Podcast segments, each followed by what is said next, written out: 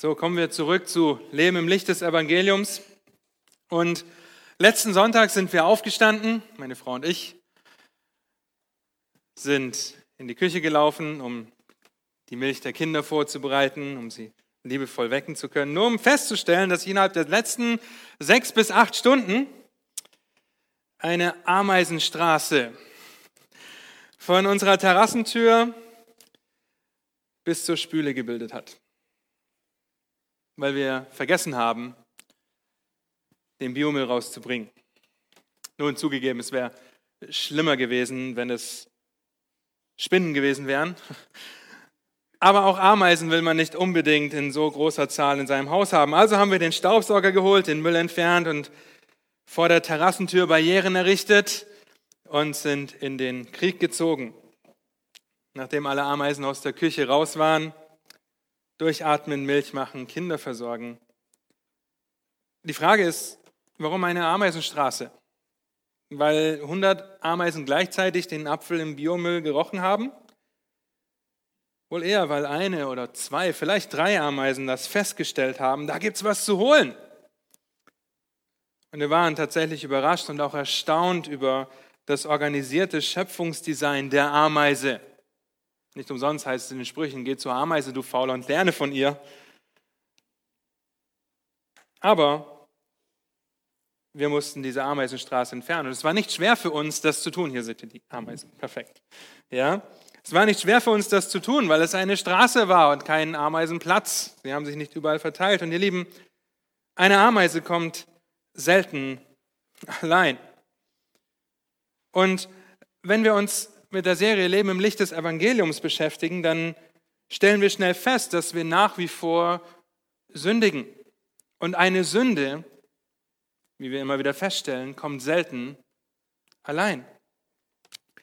John Owen schreibt in seinem Buch von der Abtötung der Sünde, Zitat, töten wir die Sünde oder die Sünde wird uns töten.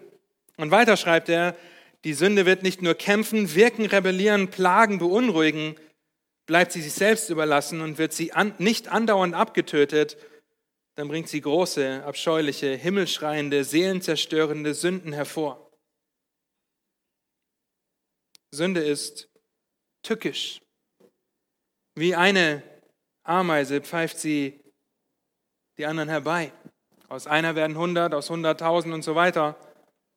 Und Sprüche 27, Vers 20 macht deutlich, dass eine Sünde selten allein kommt, weil das Totenreich und der Abgrund sind unersättlich, aber es geht weiter. Ebenso unersättlich sind auch die Augen der Menschen. Und wir wollen uns heute die Frage stellen, tötest du, töte ich, töten wir unsere Sünde, die so unersättlich ist, täglich? Oder freuen wir uns über die Sünden in unserem Leben und denken, okay, ich habe das doch alles im Griff. Nochmal John Owen. Er sagt, die Sünde ist niemals weniger ruhig, als wenn sie am ruhigsten erscheint. Und ihre Wasser sind zumeist tief, wenn sie still ist. Daher wollen wir zu jeder Zeit und unter allen Umständen eifrig gegen sie gewappnet sein, sogar dort, wo kaum ein Verdacht besteht. Mit diesen Gedanken lade ich euch ein, mir zu lernen, zu beobachten, darüber zu staunen, dass die Schrift uns nicht nur auffordert, die Sünde abzutöten, sondern dass sie uns auch noch aufzeigt, wie wir das tun sollen. Es ist ein Rezept geistlichen Wachstums gegen die Sünde anzukämpfen, sie abzutöten oder abzulegen. Und wenn wir darüber nachdenken, was das mit dem Leben im Licht des Evangeliums zu tun hat, dann können wir es nur damit beantworten, dass es ohne das Evangelium von Jesus Christus unmöglich wäre und ist, Sünde im Leben zu erkennen, geschweige denn sie mit derartiger Ausdrucks, gegen sie mit derartiger Ausdrucksweise vorzugehen. Um uns nur kurz daran zu erinnern, wir betrachten Bibelstellen, die aus dem fließen, was Christus für uns getan hat, wer wir in Christus sind. Denn ohne die Evangeliumsbotschaft von Christus, der für unsere Sünde am Kreuz gestorben ist, wie wir gerade gesungen haben, der zu Grabe getragen wurde und am dritten Tag auferstanden ist, besteht keine Möglichkeit, einen Antrieb für das Leben als lebendiges Opfer zu haben, keine Möglichkeit, die Freiheit in Christus nicht als ein Vorwand für das Fleisch zu missbrauchen und kein Drang danach, würdig zu wandeln, wie wir die letzten Male schon betrachtet haben. Bevor wir in unseren Bibeltext einsteigen, lasst mich beten, dass wir das, was wir gleich hören oder was wir weiterhören, dem anvertrauen, der alles in seiner Hand hält. Treuer Gott und Vater, ich danke dir dafür, dass wir uns heute hier versammeln dürfen. Herr, dass wir dieses freudige Ereignis der Taufe haben durften und der neuen Mitglieder, die sich dieser Gemeinde anschließen möchten und ihr dienen möchten. Habt du Dank, dass du deine Gemeinde baust und dass wir von Herzen und aufrichtig nur sagen können, dir allein sei die Ehre in deiner Gemeinde in Christus Jesus. Und Vater, so bete ich für dein Wort, das wir heute betrachten, dass es wirkt, dass du deinen Geist brauchst, um zu überführen, um uns zu ermahnen, um uns anzuspornen, aber auch um zu ziehen, wenn hier Menschen sitzen, die keine lebendige Beziehung zu dir haben, Herr. Und so gib du Gnade zum Reden und zum Hören und hab du Dank für dein wunderbares, kostbares Wort. Amen. Ihr dürft mit mir den Kolosserbrief aufschlagen. Kolosser, Kapitel 3. Die letzten Male haben wir uns sechs Prüfkriterien für unseren würdigen Wandel angeschaut. In Epheser Kapitel 4 sind dieses ganze Kapitel durchgegangen und so wie der Epheserbrief ist auch der Kolosserbrief während der Zeit entstanden, als Paulus in Rom unter Hausarrest stand, im Gefängnis war, zusammen mit dem Philipperbrief und dem Philemonbrief. Daher gibt es viele Überschneidungen, wenn ihr diese Briefe lest, vor allem Kolosser und Epheserbrief, wenn ihr diese zwei Briefe lest. Und wenn wir uns heute und nächste Woche auch noch mit Kapitel 3, den Versen 5 bis 17 beschäftigen, um der Frage nach geistlichem Wachstum nachzugehen, dann müssen wir verstehen und schauen, woher Paulus kommt. Denn Kapitel 3 ist in der Mitte dieses Briefes und vorher kommt Kapitel 1 und 2. Und so sehen wir, wie Paulus in diesem Brief die Gottheit Jesu groß macht, auf Christus hinweist und wie er die gnostischen Lehren, die in Kolossä, Kolossä Einzug gehalten haben, sich dort ausgebreitet haben, dass man auf Festtage achten soll, dass man, ähm, oder die, auch die jüdischen Lehren, die Einzug gehalten, auf Festtage achten und auf Neumonde und so weiter. Und Paulus zeigt auf, dass Christus darüber steht, größer ist. So finden wir im Kolosserbrief zwei wunderbare Abschnitte über die Herrschaft, die Majestät und die Erhabenheit Christi. Und einen davon Falls ihr euch erinnert, hat Dieter uns vor zwei Wochen im Gemeindeleben aufgezeigt, in Kolosser Kapitel 1, die Verse 15 bis 20, wo es um darum geht, dass alles seinen Bestand in Christus hat. Und dann ein Kapitel weiter sehen wir in den Versen 9 bis 15 in Kapitel 2, dass durch die Erhabenheit Christi und sein Tod die Herrschaften und Gewalten entwaffnet sind. In Vers 15 seht ihr das, dass Christus darüber triumphierte. Auf der anderen Seite sehen wir den Einfluss der Irrlehrer, die sie in der Gemeinde hatten, wenn ihr Verse 16 bis 23 lest. Nun, Paulus schreibt diesen, in diesem Brief von dem Geheimnis des Evangeliums in Kapitel 2, Vers 4, dass es für Heiden und für Juden war, damit 2 Vers 4 euch nicht irgendjemand durch Überredungskünste zu Trugschlüssen verleitet. Er schreibt, dass die Kolosser Acht haben sollen. 2 Vers 8, dass euch niemand beraubt durch die Philosophie und leeren Betrug gemäß der Überlieferung der Menschen gemäß den Grundsätzen der Welt und nicht Christus gemäß. Und er warnt sie letztendlich, dass sie sich nicht richten lassen sollen, nicht zulassen sollten, um den Kampfpreis gebracht zu werden in Kapitel 2, Vers 18. Wenn du dort sagst, lasst das, lasst nicht zu, dass euch irgendjemand um den Kampfpreis bringt, indem er sich in Demut und Verehrung von Engeln gefällt und sich in Sachen auf Sachen einlässt, die er nicht gesehen hat, wobei er ohne Grund aufgeblasen ist von seiner fleischlichen Gesinnung.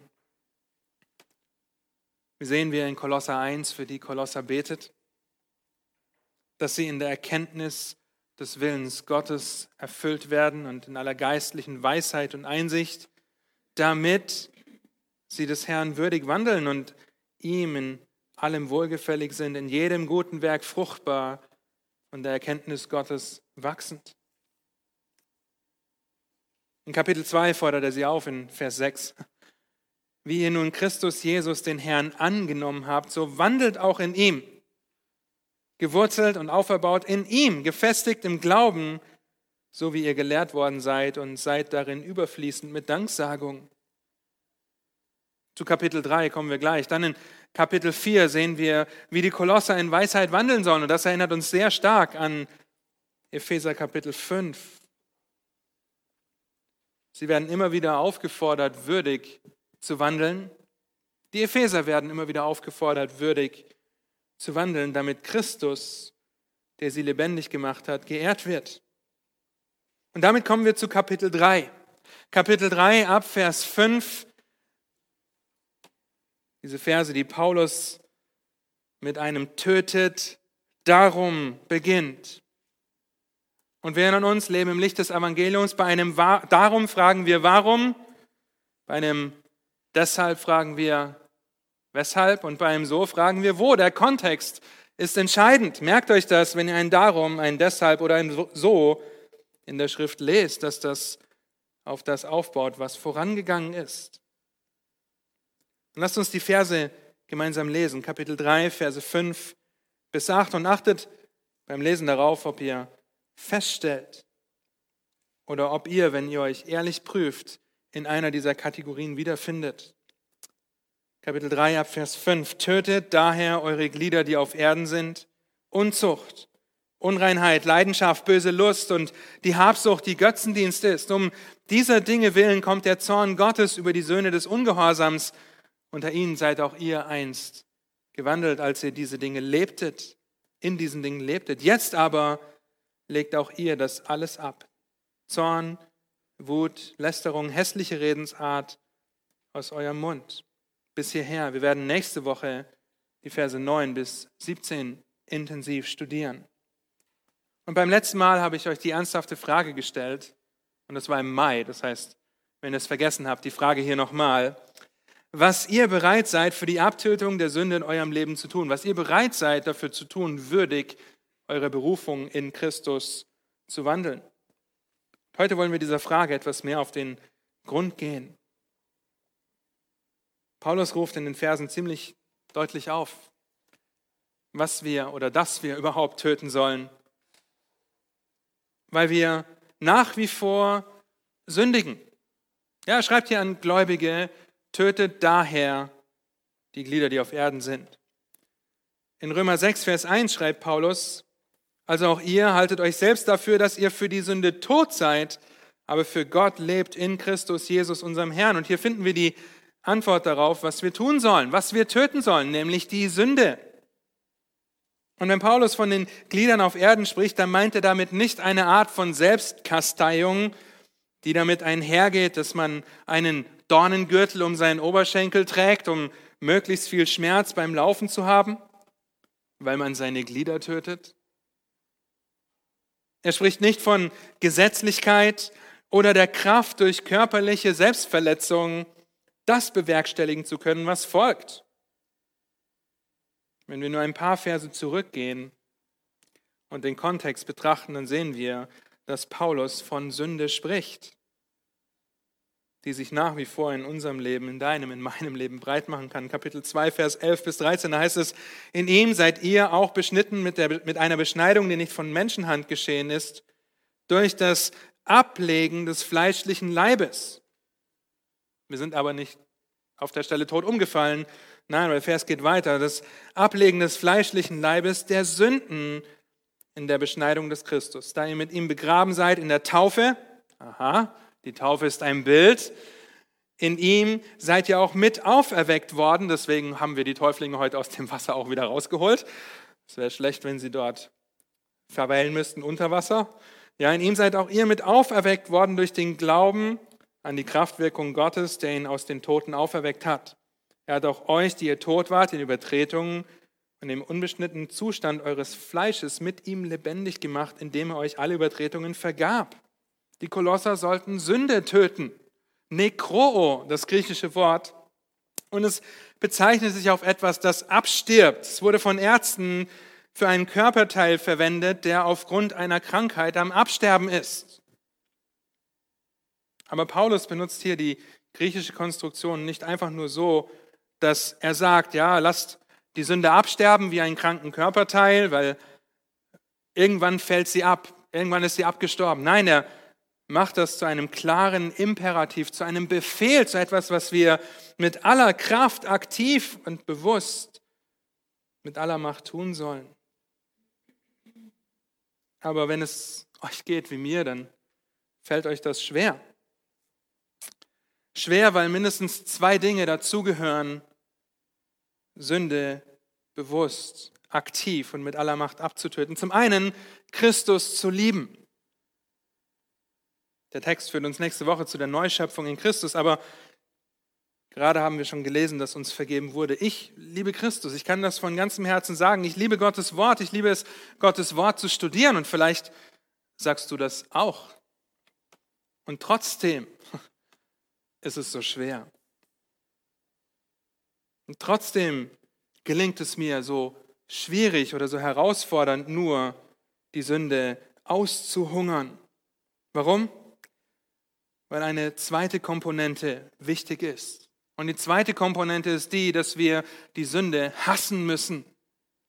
Und das ist oft der Knackpunkt, oder nicht? Ja, ich liebe Christus, ja, aber ich liebe auch meine Sünde. Ja, und ich bin nicht bereit, alles dafür zu tun, alles daran zu setzen, sie zu ersticken, sie auszuhungern, sie zu töten.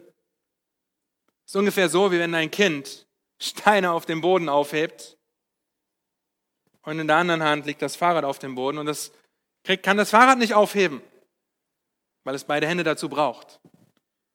Und es beschwert sich, es geht nicht, es geht nicht, es geht nicht.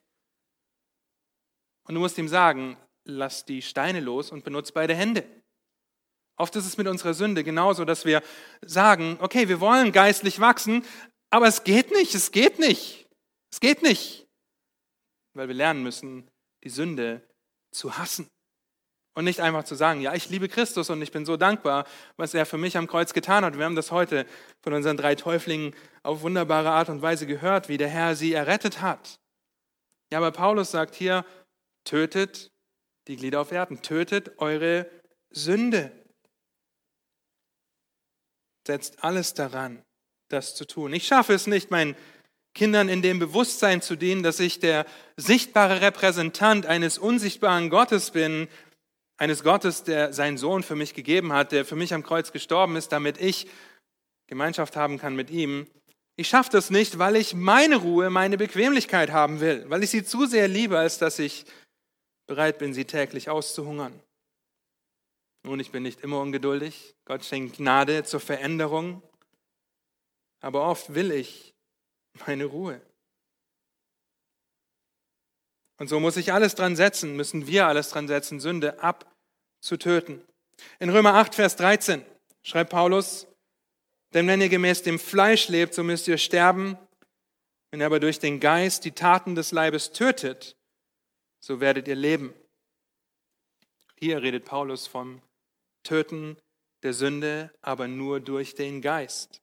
Und hier benutzt Paulus ein anderes Wort für töten, nur am Rande, nicht medizinisch, sondern kriegerisch mit aller Gewalt umbringen.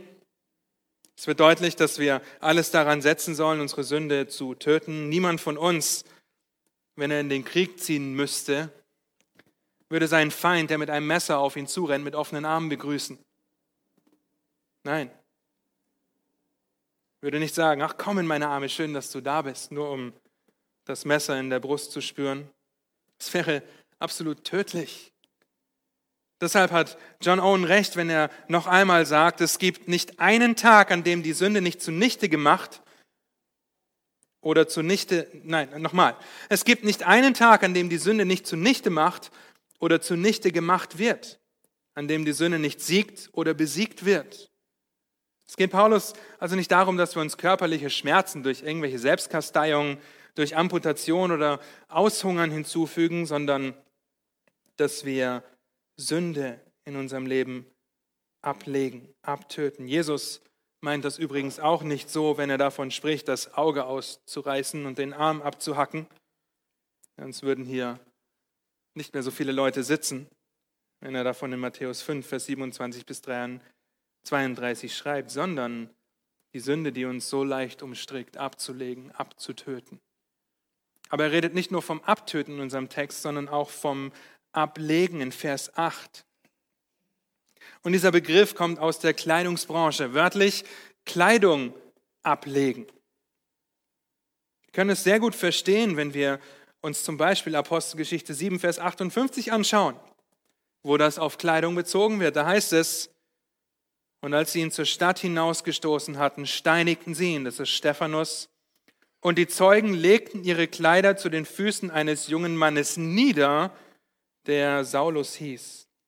Nicht nur, dass hier dasselbe Wort für das Niederlegen der Kleidung beschrieben wird, nein, auch noch, es liegt auch noch zu den Füßen der, der Autor unseres Briefes ist, ja, den Gott auf wunderbare Weise errettet hat. Nicht nur, dass Paulus die Kleider, die Saulus die Kleider zu Füßen gelegt wurden, nein, jetzt redet er davon, Saulus, der zu Paulus wird, dass wir die Sünde ablegen sollen. Erinnere dich daran, jedes Mal, wenn du dein Kind ausziehst, dich ausziehst, um dich bettfertig zu machen oder für die Arbeit bereit zu machen, dass wir dasselbe, was wir mit unserer Kleidung tun, mit unserer Sünde tun sollen. Ablegen, ausziehen. Nur, dass wir unsere Kleider nicht töten, aber wir legen sie ab. Ja? Eine Liste folgt jeweils in Vers 5 und in Vers 8 folgt jeweils mit den Aufforderungen, was die Kolosse in diesem Fall ablegen, abtöten sollten. Und die Liste ist nicht allumfassend, sie ist von großer Bedeutung und absolut relevant für uns heute.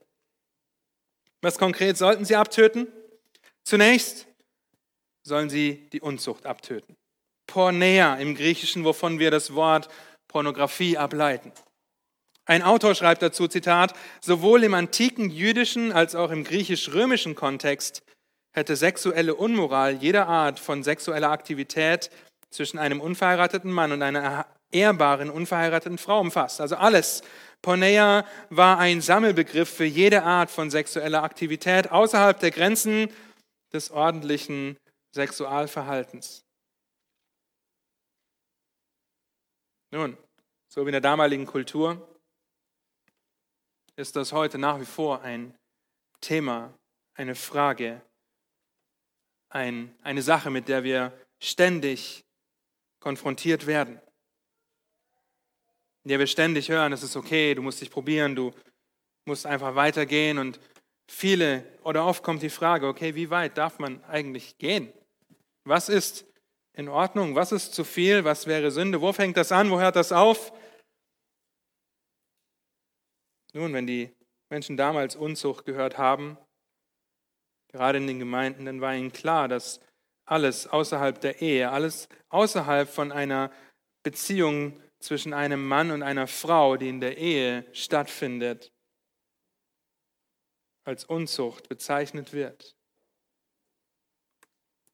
Und wir sehen, wenn wir die Schrift anschauen, dass wir drei Arten von Beziehungen finden in der Schrift. Das eine ist die Familie, deine Eltern, deine Brüder, deine Schwestern. Im physischen Sinne. Hier war es verboten, wie ihr in 3. Mose 17, Vers 6 nachlesen könnt, die Scham der Familien, der direkten Familienmitglieder zu entblößen, sich sexuell mit ihnen einzulassen. Die zweite von diesen drei Kategorien, die wir in der Schrift finden, ist die Beziehung zu deinem Nächsten im weitesten Sinne. Ja, deine Geschwister in der Gemeinde, deine Arbeitskollegen, deine Bekannten, deine Freunde. Auch hier ist jede Form der ausgelebten, nicht ehelichen Sexualität verboten. Warum? Weil es im Herzen beginnt.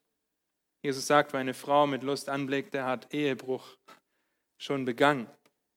Paulus hält Timotheus zum Beispiel dazu an in 1 Timotheus 5, Vers 1 und 2, einen älteren Mann fahre nicht hart an, sondern ermahne ihn wie ein Vater, Jüngere wie Brüder, ältere Frauen wie Mütter, Jüngere wie Schwestern in aller Keuschheit. Lediglich in der Ehe, dem Bund zwischen einem Mann und einer Frau, diese dritte Kategorie, die wir in der Schrift finden, ist die sexuelle Aktivität zwischen einem Mann und einer Frau nicht nur erlaubt, sondern sogar geboten. John MacArthur schreibt dazu, Zitat, Im Neuen Testament weitet sich seine Bedeutung auf jede Form von unerlaubt ausgelebter Sexualität aus. Wir reden immer noch von Unzucht. In scharfem Kontrast zur vorherrschenden Einstellung in der antiken Welt verbietet die Bibel strengstens jede sexuelle Aktivität außerhalb der ehelichen Bindung zwischen einem Mann und einer Frau. Zitat Ende. Es war nur ein kurzer Exkurs über Beziehungen in der Schrift. Aber was lernen wir daraus? Unzucht soll abgetötet werden. Mit aller Klarheit, mit aller Deutlichkeit. Und ich weiß, dass wir hier einige Paare haben, verlobt, bald heiratend, ja, oder befreundet. Und ich bin überzeugt, dass andere von euch mit Pornografie kämpfen. Hier ist die biblische Zusammenfassung von Porneia. Jegliche Art der sexuellen Zuneigung außerhalb einer Ehe befindet sich außerhalb der Grenzen des Neuen Testaments. Es beginnt im Herzen. Heißt, du kannst dir im Herzen die Frage stellen, warum wollen wir so weit gehen? Warum will ich mir das anschauen?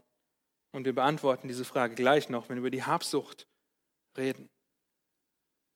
Und vielleicht als Richtlinie, die dir eine Hilfe sein kann, die nicht in einem Gesetz endet, sich die Frage zu stellen, würde ich das mit jedem meiner Geschwister in der Gemeinde auch tun?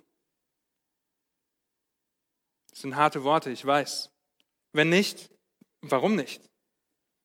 Das sind Worte, die vielleicht zum Nachdenken anregen und ich bin gerne bereit, diese Worte auch anhand der Schrift zu verteidigen, nur nicht jetzt, sonst rennt uns die Zeit davon und wir sitzen in sechs Stunden noch hier, bevor wir zur Unreinheit weiter können.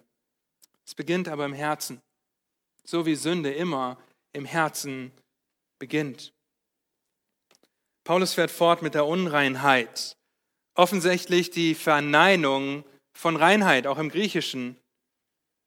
In Definition aus dem Wörterbuch lautet, Zitat, dieser Begriff wird für körperliche, religiöse und moralische Unreinheit verwendet, die eng miteinander verflochten sind.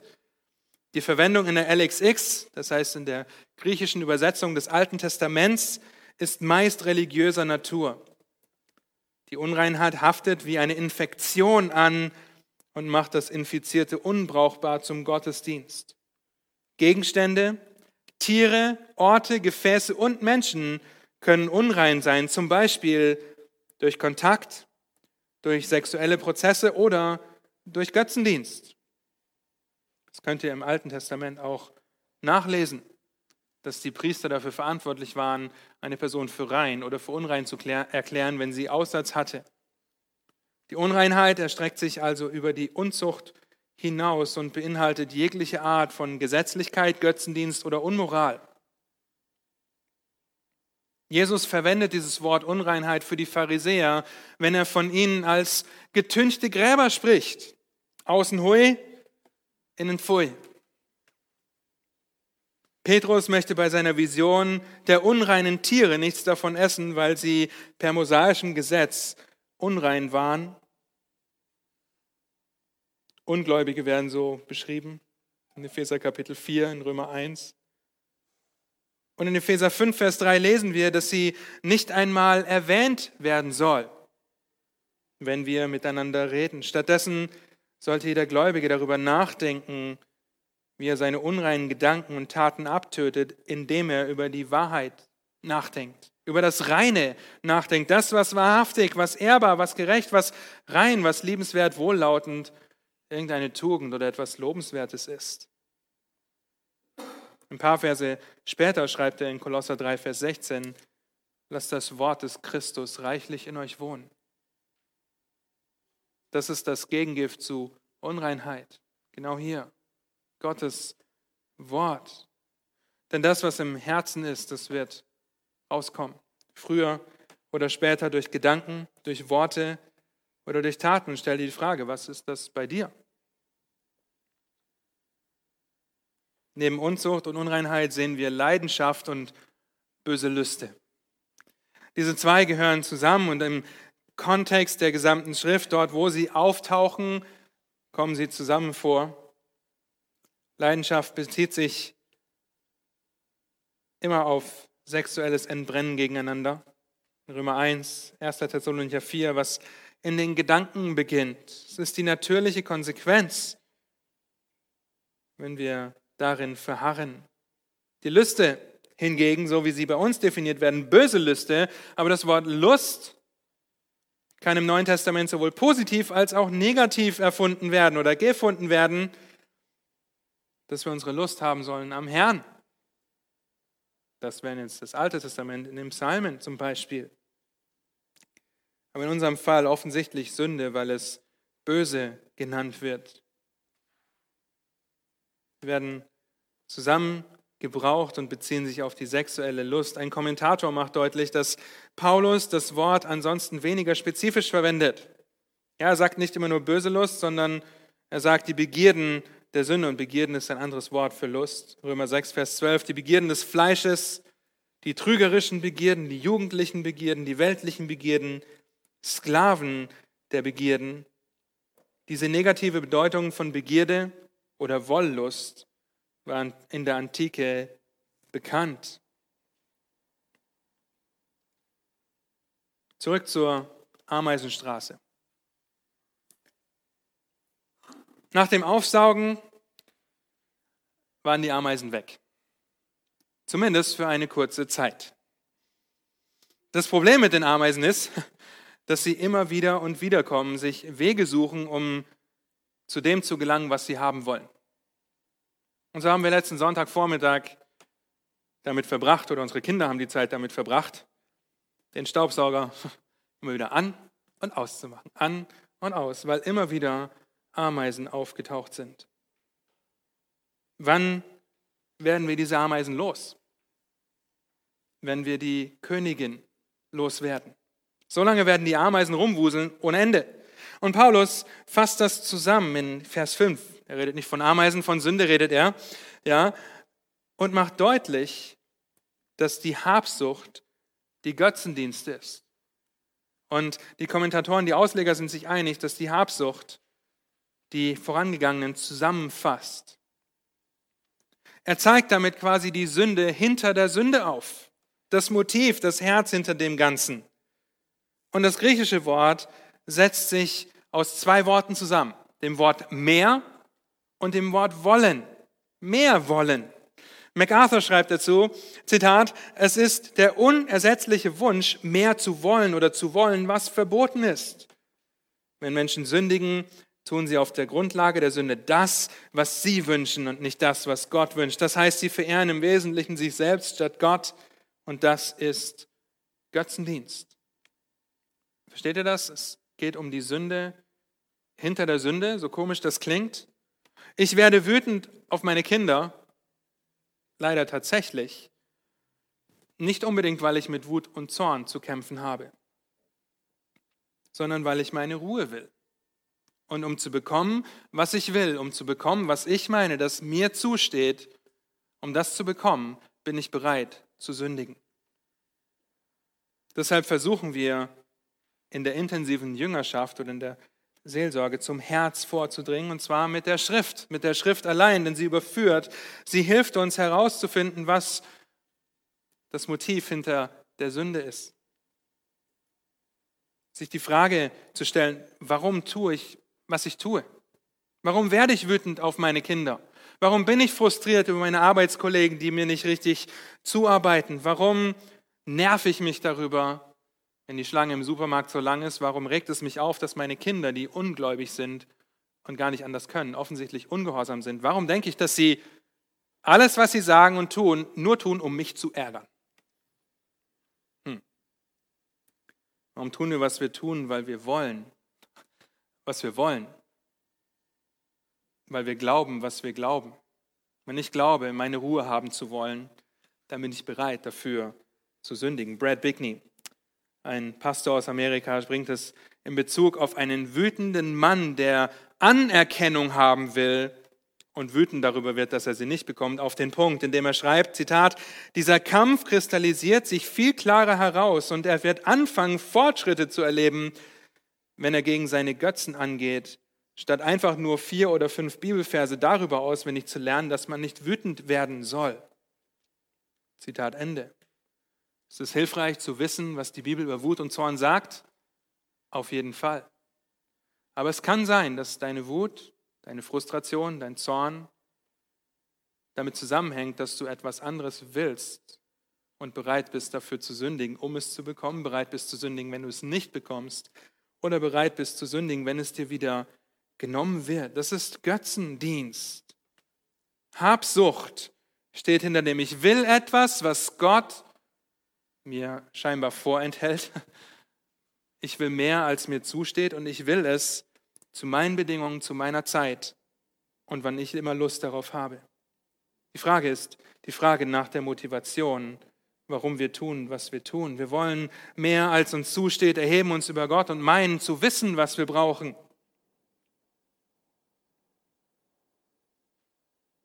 Willst du Ruhe, so wie ich? Willst du die Anerkennung und bekommst sie nicht oder bist alles bereit dafür zu tun, um sie zu bekommen? Willst du Respekt? Willst du Liebe? Willst du finanziell abgesichert sein? Und was bist du bereit dafür zu tun? Der Wunsch an sich ist nicht falsch, aber wenn er zu einem Verlangen wird, wird es zu deinem Götzen. Und Gottes Wort sagt, wir sollen das abtöten. Kommen wir zu Vers 8 bevor wir die Verse 6 und 7 noch betrachten. Und das wird schneller gehen. Die zweite Liste von Dingen, die die Kolosser in diesem Fall ablegen sollten. Ausziehen wie die Kleidung.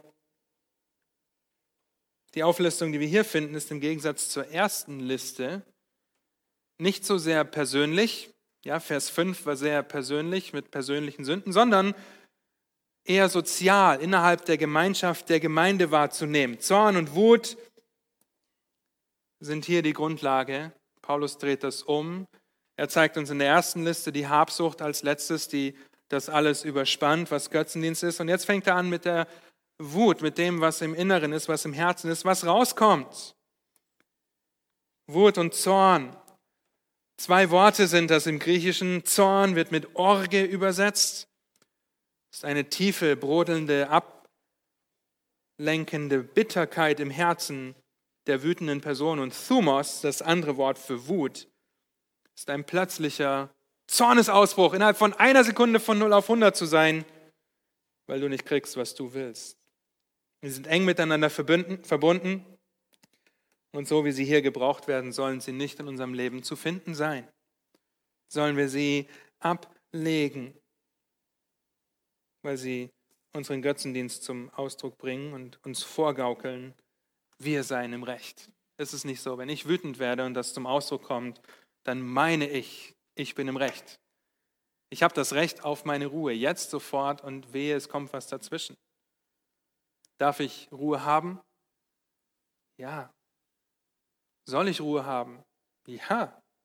Aber wo soll ich diese Ruhe suchen? In meinen Wünschen und Vorstellungen oder hier? Kommt her zu mir, alle, die mühselig und beladen seid. Ich will euch erquicken, ich will euch Ruhe geben, sagt Jesus. Bosheit. Bosheit ist die bösartige Natur, die darauf aus ist, anderen Schaden zu fügen, zuzufügen. Und im Zusammenhang hier ist es mit bösen Worten, mit Lästerungen, hässlicher Redensart in Verbindung zu bringen. Ist nicht schrecklich, dass wir in Gottes Wort lesen, dass Kinder Gottes Bosheit in ihrem Leben haben können, dass sie anderen Böses wollen? Sollen wir ablegen. Weil Christus unser ultimatives Vorbild ist. In 1. Petrus 2, Vers 1 finden wir diese Bosheit neben Betrug und Heuchelei und Neid und werden auch hier aufgefordert, das abzulegen. Es ist das, was Ungläubige in Römer 1, Vers 32 auszeichnet. Und wenn ihr am Gemeindeleben teilnehmt, werden wir ab nächsten Mittwoch mit dem Römerbrief beginnen. Es ist in 1, Vers 32, obwohl sie das gerechte Urteil Gottes erkennen, wir uns darüber Gedanken machen, dass jeder Mensch Gott erkennen könnte, da sie das gerechte Urteil Gottes erkennen, dass sie des Todes würdig sind, welche so etwas verüben, tun sie diese Dinge nicht nur selbst, sondern haben auch Gefallen an denen, die sie verüben. Wenn wir zu Lästerung kommen, dem nächsten Punkt in unserer Liste, dann kennen wir das griechische Wort dazu. Das ist das Wort Blasphemie, was wir heute auf die Gotteslästerung anwenden. Wie reden wir übereinander? Und wir haben schon etliches über die den Umgang mit unserer Zunge gehört. Ich ermutige euch einfach, im Predigtarchiv danach zu gucken, weil wir jetzt nicht die Zeit haben, das alles durchzukauen. Aber Lästerung ist ernst zu nehmen. Lästerung über deinen Arbeitskollegen, über deinen Bruder oder deine Schwester innerhalb der Gemeinde. Lästern sind Worte, die nicht erbaulich sind, die nicht nötig sind, die keine Gnade bringen. Und Lästerungen richten sich letztendlich gegen Gott selbst, weil wir in dem Moment, in dem wir über andere lästern, über eine Person lästern, die im Bild Gottes geschaffen ist. Und wir ziehen sie durch den Schlamm oder wir entblößen sie mit unseren Worten. Das ist Lästern. Das Ganze resultiert dann in hässlichen Redensarten. Und wir verstehen das vielleicht ein bisschen besser, wenn wir uns anschauen, wie heute das Wort Misshandlung gebraucht wird. Es gibt die körperliche, die sexuelle Misshandlung, es gibt das Cybermobbing, aber es gibt auch die verbale Misshandlung. Verbaler Missbrauch, der lang nicht so schlimm geahndet wird wie körperlicher Missbrauch, aber genauso viel Schaden, wenn nicht noch mehr, anrichten kann. Wir sind absolut gegen Missbrauch jeglicher Art und Form. Wir verabscheuen das, aber hier hässliche Redensarten. Verbaler Missbrauch heute äußert sich leider nicht nur durch die Worte, die geredet werden, sondern auch durch E-Mails, WhatsApp, Facebook und Co, die den anderen unter Druck setzen, ihn fertig machen, ihm und scheinbar kein Ende nehmen. Ich bete, dass ihr das nicht erleben müsst, dass ihr auch in Zukunft davor bewahrt werdet, aber das soll keinen Platz haben bei uns. Hässlich übereinander zu reden, einander unter Druck zu setzen mit irgendwelchen Forderungen, die unserem eigenen Wohlwollen oder unserem eigenen Götzen entspringen. entspringen. Epheser 5 macht einen ähnlichen Punkt macht es sehr deutlich. 5 Vers 4 heißt es, auch nicht Schändlichkeiten und albernes Geschwätz oder Witzeleien, die sich nicht gehören. Das soll nicht einmal bei uns erwähnt werden. Das lesen wir in Vers 3. Schändlichkeit in Bezug auf die Worte, die wir reden. Jetzt dürft ihr mir gut zuhören. Denn Jesus sagt, wovon das Herz voll ist, davon redet der Mund. Ist es bei dir Wut, Zorn, ist es Bosheit? Ist es Bitterkeit über irgendeinen Umstand in deiner Vergangenheit? Ist es vielleicht aktuell, weil du willst, was du willst und nicht bekommst, was du willst? Mit anderen Worten, liebst du diese Sünde so sehr, dass du bereit bist zu sündigen und dass du nicht bereit bist, sie abzutöten oder abzulegen? Und in demselben Zusammenhang in Matthäus 12, wo er sagt, was am Herzen ist, kommt aus dem Mund, sagt er auch, über jedes Wort, das unseren Mund verlässt, sagt er, ich sage euch aber, dass die Menschen am Tag des Gerichts Rechenschaft geben müssen von jedem unnützen Wort, das sie geredet haben. Sind wir dafür bereit, Rechenschaft abzulegen für die Worte, die wir reden? Und wenn ja, verbrennen sie wie Holz und Stroh oder haben sie Bestand wie Gold und Silber? Nun, unsere Worte können so viel anrichten. Ihr könnt Jakobus 3 lesen, wenn ihr mehr dazu lesen möchtet. Aber warum? Warum das alles? Ich meine, ja, es kann sein, dass es in meinem Leben vorhanden ist, das eine oder andere. Aber warum? Warum soll ich es töten, wenn es mir scheinbar doch so viel gibt?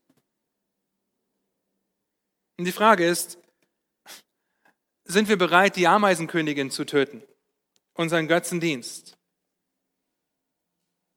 In der nächsten Woche werden wir noch gezielt darüber Gedanken machen, wie das aussieht. Aber warum?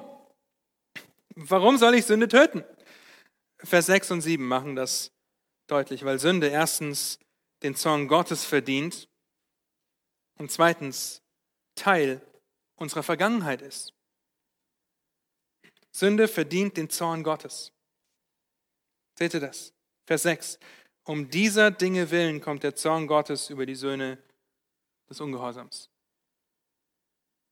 Während Ungläubige den gegenwärtigen Zorn Gottes eines Tages in seiner völligen Auswirkung auch zu spüren bekommen, wie wir das in Römer 1 sehen, dass er gegenwärtig zum Ausdruck kommt, indem der Mensch einfach seinen Begierden überlassen wird. Aber im Gegensatz zu ihnen ist der Gläubige, der Gerettete, der der Kraft des Evangeliums Gottes glaubt, von diesem Zorn befreit. Er wird keinen Zorn erleben. Und das sollte uns nicht einfach fröhlich anhalten, weiter zu sündigen, weil der Zorn des Vaters ist gestillt, weil er auf Christus gelegt ist. Wir haben das gerade in dem Lied Danke Jesus gehört. Das sei ferne, Römer 6, Vers 1. Ihr Lieben, wenn, wenn ihr sündigt, wenn ich sündige, weil ich will, was ich will, dann hat das den Zorn Gottes verdient. Aber der Zorn Gottes wurde komplett gestillt vor 2000 Jahren auf einem Hügel Golgatha, als Christus am Kreuz für deine Sünde gestorben und auferstanden ist, drei Tage später. Das heißt, der gesamte Zorn Gottes, den deine Sünde verdient, der gesamte gewaltige, gerechte Zorn Gottes, zu Recht, den deine Sünde verdient, ist am Kreuz bezahlt. Weil, wie wir heute zweimal gehört haben, Gott seinen eingeborenen Sohn gab, damit jeder, der an ihn glaubt, nicht verloren geht, sondern ewiges Leben hat. Gottes Zorn am Kreuz auf Christus. Und wenn du heute hier sitzt und nicht mit Gewissheit sagen kannst, dass du gewiss Gewissheit hast, mit Gewissheit in den Himmel einzugehen, ich hoffe, Gewissheit ist klar geworden, wenn du diese Gewissheit nicht hast, dann wirst du den gewaltigen Zorn Gottes eines Tages im vollen Ausmaß zu spüren bekommen. Deshalb beuge deine Knie heute und glaube und vertraue Christus, der diesen Zorn auf Golgatha auf sich genommen hat. Bekenne ihn als deinen Herrn und Retter. Suche dir Hilfe im Abtöten und im Ablegen deiner Sünde, die den Zorn verdient hat. Wenn du die Gewissheit hast, dass du gewiss Gewissheit hast, mit Gewissheit in den Himmel einzugehen, dann such dir Hilfe im Abtöten und Ablegen deiner Sünde, weil du weißt, dass Gott alles für dich gegeben hat, seinen Sohn für dich gegeben hat. Der gesamte Zorn liegt auf dem Sohn, damit du gerecht stehst vor Gott.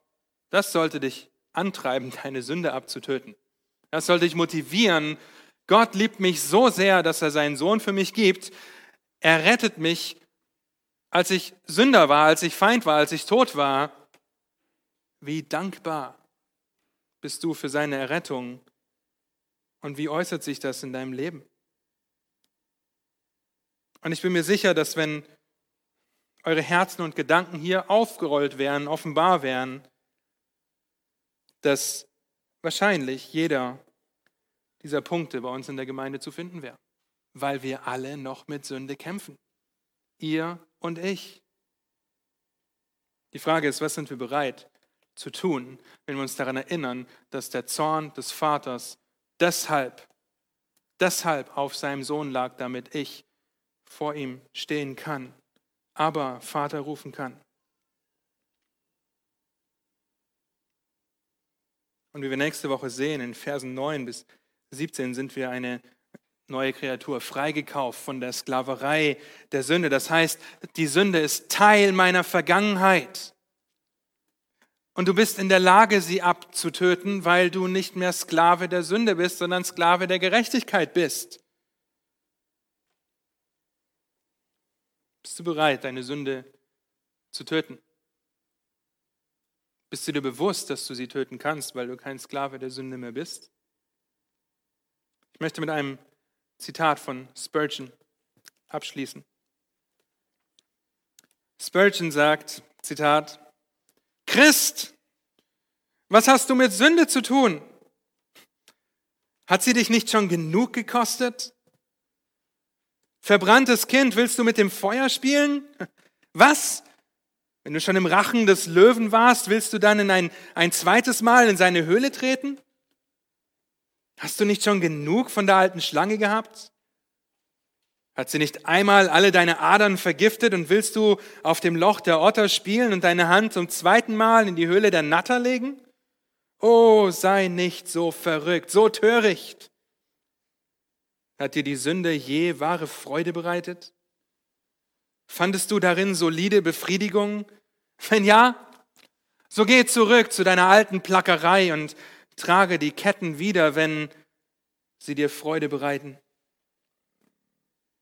da aber die Sünde dir nie das gegeben hat, was sie dir versprochen hat, sondern dich mit Lügen getäuscht hat, lass dich nicht ein zweites Mal von dem alten Vogel fangen, sei frei und lass die Erinnerung an deine alte Knechtschaft dir verbieten, wieder ins Netz zu gehen. Zitat Ende. Wenn du dich auf deine Sünde verlässt, meinst, du kriegst Freude, Befriedigung und Zufriedenheit davon, erinnere dich an Sprüche 27, Vers 20. Unsere Augen sind unersättlich. Wenn ich ein bisschen Ruhe habe, was will ich? Ich will mehr Ruhe. Ich will mehr Ruhe, weil mich das nicht zufrieden macht, weil es mir nicht Freude bereitet. Ihr Lieben, setzt alles daran, eure Sünde in eurem Leben abzutöten, abzulegen. Denn um ihrer Willen kommt der Zorn Gottes über den Menschen. Und in deinem Fall, wenn du Kind Gottes bist, kam der Zorn Gottes über deinen Herrn und deinen Retter. Du wurdest freigekauft davon. Und so möchte ich euch hinlassen in die kommende Woche mit dem Gedanken zu töten. Hört sich böse an, ja? Aber ihr wisst jetzt, was ihr töten sollt. Tötet daher eure Glieder auf Erden, legt das alles ab. Denn Paulus sagt in Römer 8, Vers 13, denn wenn ihr gemäß dem Fleisch lebt, so müsst ihr sterben. Wenn ihr aber durch den Geist die Taten des Leibes tötet, so werdet ihr leben. Und wie das konkret aussehen kann, werden wir nächste Woche betrachten in den nächsten Versen. Lasst mich beten. Herr, habt du Dank dafür, dass du am Kreuz für meine Schuld gestorben bist, für meine Götzen, meine Ruhe, meine Bequemlichkeit, für das, was ich will, wo ich bereit bin zu sündigen. Habt du Dank, dass dein Zorn, Vater, dort auf Golgatha bezahlt wurde, gestillt wurde, weil du für meine Sünde gestorben bist, Jesus Christus. Herr, und lass mich das zum Ansporn sein, die Sünde, die mich so leicht umstrickt, abzutöten abzulegen wie alte Kleider, auszuhungern wie ein faules Körperteil. Herr, damit du dadurch die Ehre bekommst. weil du mich frei gemacht hast von der Sklaverei der Sünde. Hab du Dank dafür, dass wir zu dir fliehen dürfen. Herr, dass wir einander haben, um uns gegenseitig anzuspornen zu Hilfe, zu Liebe und zu guten Werken, dass wir uns anspornen dürfen zum Abtöten der Sünde. Herr, du bist der Kenner der Herzen. Du weißt, wie leicht wir uns selbst betrügen können. Und ich bete, dass du überführst, dass du ermahnst, dass du auch ermutigst, die Hoffnung zu haben, dass wir mit den Sünden, mit denen wir kämpfen, fertig werden können, weil du für uns am Kreuz gestorben bist. Und so danke ich dir für die Möglichkeit, die wir jetzt haben, das Mahl des Herrn zu feiern. Und bete, dass du unsere Herzen dafür bereit machst, wenn wir darüber nachdenken, was du für uns am Kreuz getan hast, Herr. Amen.